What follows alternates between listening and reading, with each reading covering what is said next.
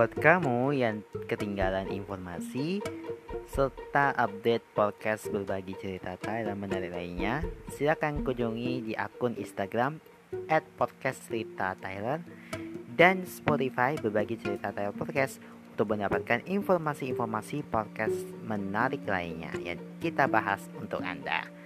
Jangan lupa juga untuk selalu follow akun Instagram at mata underscore underscore dan Twitter at Demata Saputra untuk mendapatkan informasi mengenai program-program unggulan lainnya. Selamat mendengarkan.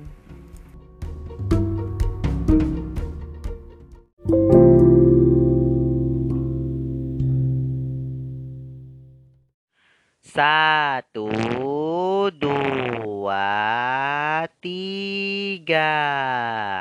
Welcome to podcast berbagi cerita Tyler season 8 bareng bersama aku Matika Saputra dan temanku Tyler King. Yes. Gimana kak kabarnya sahabat Tyler sehat ya? Alhamdulillah sehat. Kita semua sini-sini sehat-sehat selalu dan tanpa lupa kita mengucapkan syukur kepada Sang Pencipta karena kita sudah memberikan kesehatan diberikan rezeki, diberikan umur yang panjang, diberikan rasa bersyukur berlebih atas nikmat darinya. Dan semoga apa yang kita lakukan pada hari ini bisa manfaat ya kepada orang lain dan selalu memberikan kebahagiaan dan kebaikan kepada seseorang. Amin ya rabbal alamin. Nah, kali ini Oke, kali ini kita akan mau membahas satu fenomena yang mesti kita waspadai ya sahabat saya ya.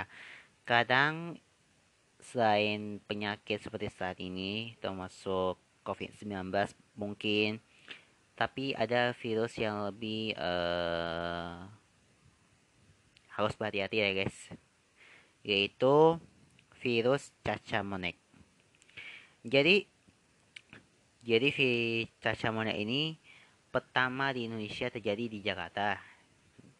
Tepatnya kepada seorang pasien laki-laki yang berumur 27 tahun.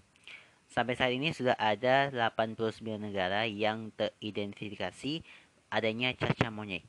Jadi pemerintah Indonesia cukup memastikan pengadaan vaksinasi kepada penderita cacar monyet. Nah, setidaknya ada 10.000 vaksin yang akan disiapkan. Jadi kayak mana sih kronologisnya? Ayo. Jadi kronologisnya ini kasus cacar monyet pertama di Indonesia dialami oleh seorang laki-laki berusia 27 tahun. Pasien sampai di Jakarta dari perjalanan luar negeri pada tanggal 8 Agustus 2022. Nah, pasien ini mengalami demam dan pembesaran gelenjar getah bening di belakang telinga pada 14 Agustus. Kemudian cacar mulai muncul pada wajah, telapak tangan, kaki, dan di sekitar alat genital. Itu tanggal 16 Agustus 2022. Nah, pasien melakukan pengobatan dan tes PCR cacar monyet di rumah sakit pada tanggal 18 Agustus. Nah, besok besoknya hasil PCR-nya keluar kan dan dinyatakan positif cacar monyet pada 19 Agustus 2022. Oke, lanjut.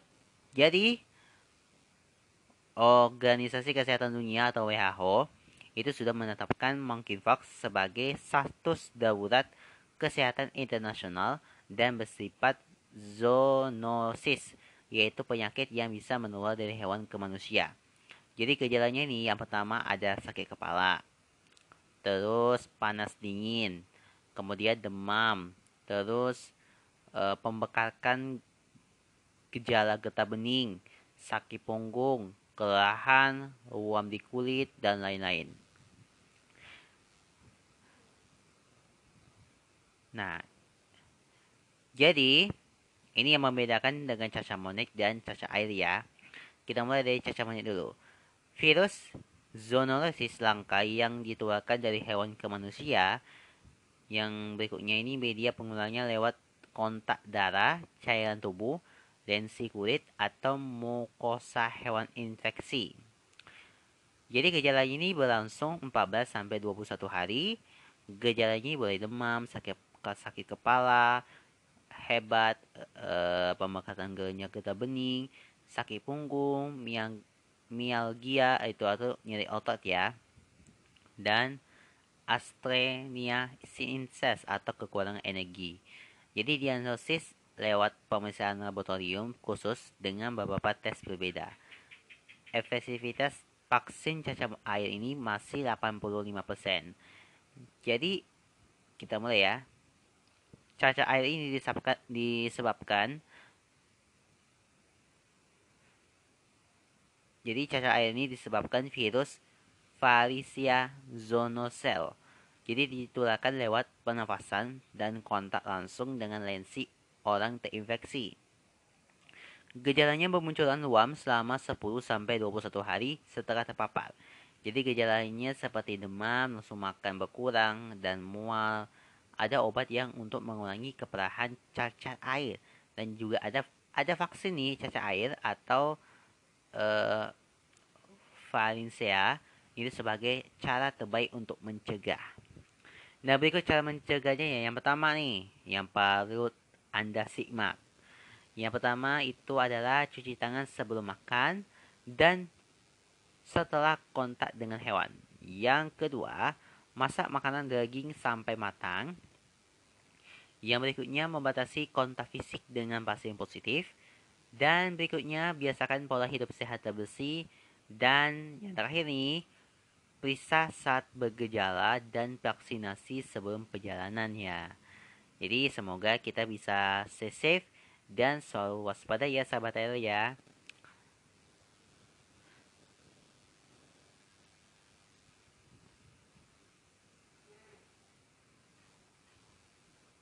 Oke, selanjutnya nih, jadi ini masih soal harga yang lagi naik ya. Ini mau bersabar, ini ujian ya. Pemerintah ini kasih kabar kalau harga lagi pada naik nih. Kemenhub menyetujui kenaikan tarif ojek online dan harga tiket pesawat. Nah, sedangkan Kementerian Pertanian bilang kalau harga mie instan itu bakal naik tiga kali lipat karena pasokan gandum yang berkurang. Nih, harga tiket pesawat, terus tarif ojek online dan harga mie instan. Nah, seperti di beberapa toko nih ditemukan harga Indomie itu rata-rata sekitar 3 ribuan. Hmm, jadi gimana sih pendapatan dari tentang kenaikan harga ini? Kita langsung ya. Kita cek and recheck. Oke, kita lihat cek and recheck yang pertama ini. Oke, Nah, kalau kata Hani Fiani harap mie instan naik, hidup sehat lebih baik. Banyak pilihan makanan selain mie instan yang jauh lebih hemat dan sehat.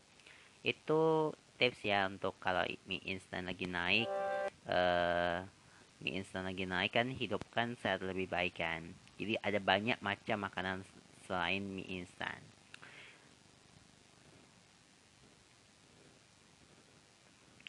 Oke, berikutnya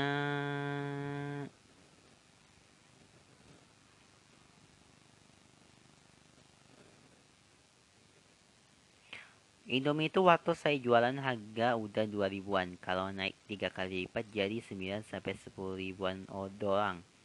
Kalau naiknya harga 300 sampai 500 rupiah mah e, bukan 3 kali lipat dong.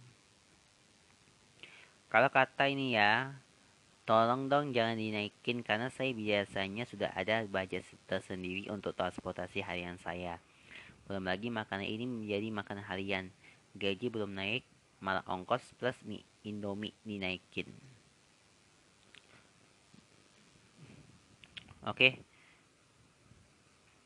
Apa yang yang membuat kita lagi happy banget ya?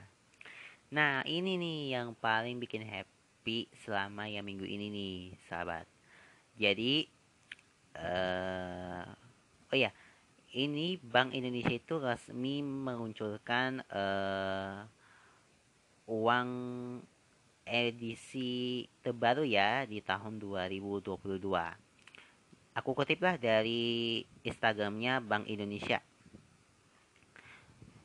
Oke. Kita buka dulu ya. Karena masih ada yang ini nih. Aku tek-tek orang dulu ya. Oke sebentar.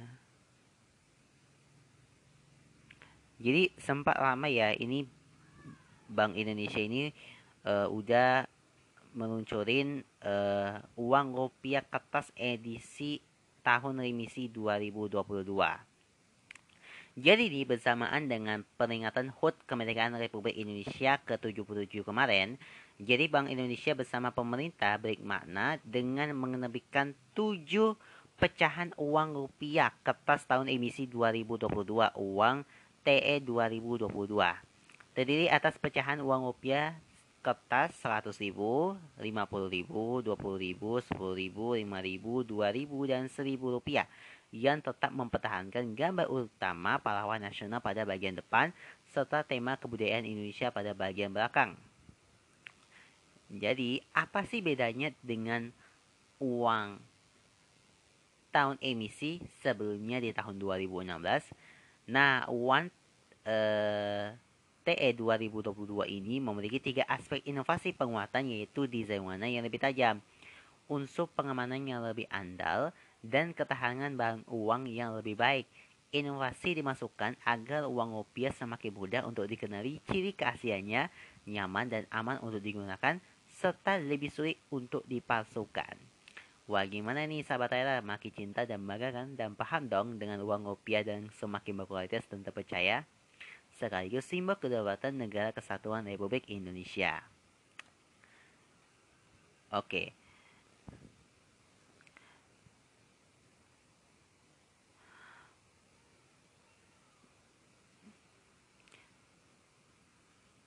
Nah, itu dia ya. Bisa lihat aja di Instagramnya at Bank Indonesia yang sudah dicentang biru ya. Instagramnya Bank underscore Indonesia yang sudah centang biru. Di situ ada tuh ya.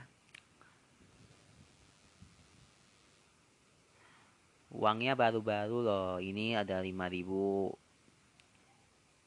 ada 100 ribu juga, ada 20 ribu, ada 1000, 5000, 2000 dan 1000 rupiah.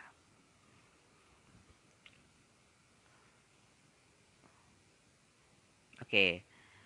Itu tadi uh, berita tentang Bank Indonesia mengesmikan uang rupiah kertas emisi 2022.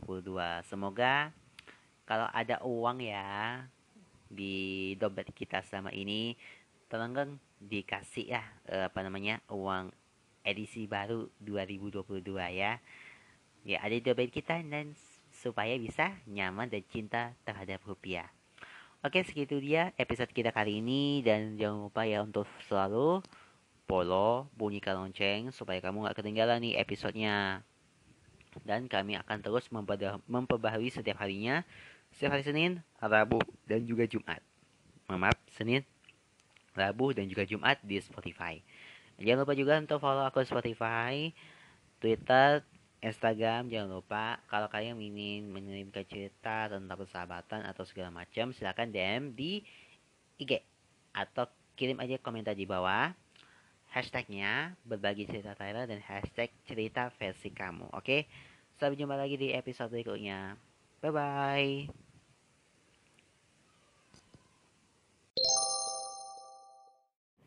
Oke, kali ini kita mau membahas tentang sosial media. Jadi tema yang harusnya menjadi peringatan ya bagi para orang tua dan anak yakni waspada media sosial menjadi sarana eksploitasi seksual anak. Jadi sosial media itu menjadi salah satu platform yang sangat digemari anak untuk menghabiskan waktu luangnya. Mereka bisa berinteraksi dengan teman, mengetahui informasi terkini dan mendapatkan hiburan.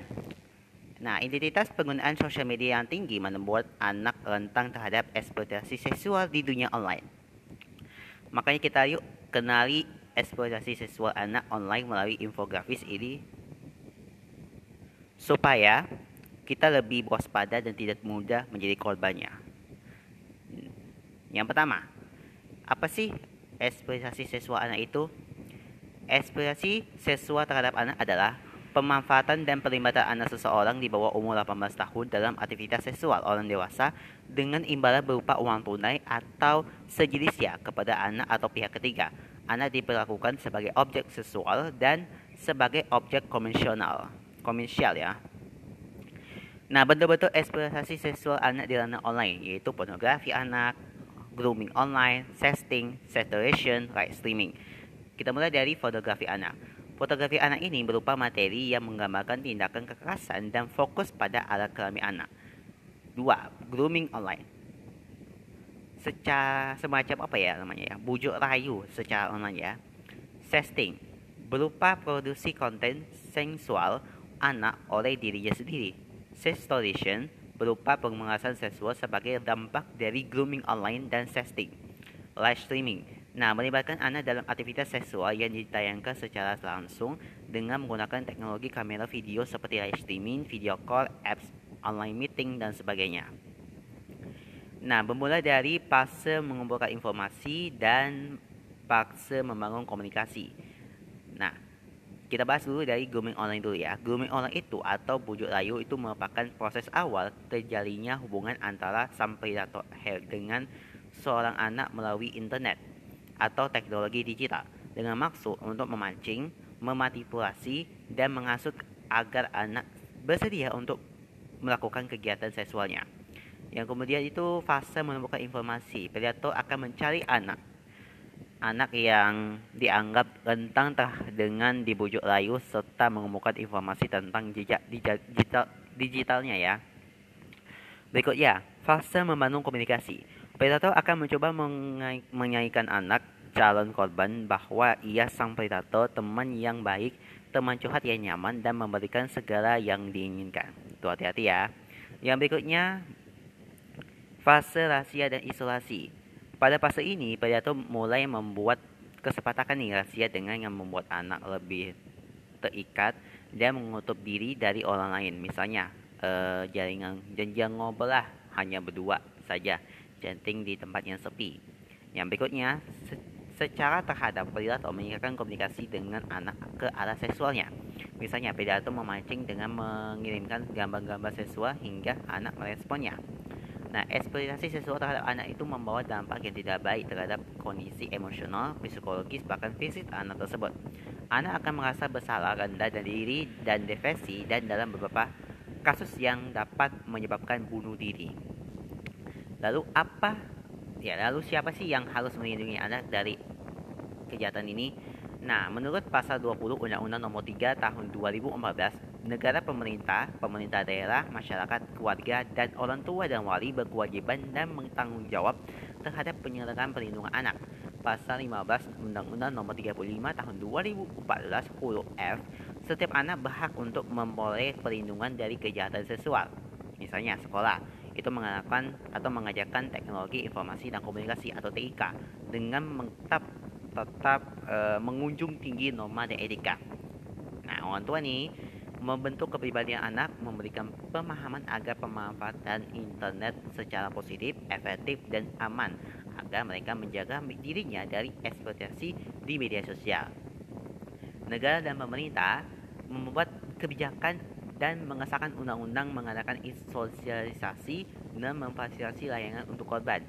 Nah, jika di sekitarmu ada yang mengalami eksplorasi, lakukan yang pertama nih, penenangan yang cepat termasuk pengobatan atau rehabilitasi secara fisik, psikis, dan sosial, serta penjagaan penyakit dan gangguan kesehatan lainnya. Yang kedua, pendampingan psikologikal pada saat pengobatan sampai pemulihan. Yang ketiga, pemberian bantuan sosial bagi anak yang berasal dari keluarga yang tidak mampu. Yang keempat, pemberian perlindungan dan pendampingan pada setiap proses pengadilan. Nah, itu tadi ya.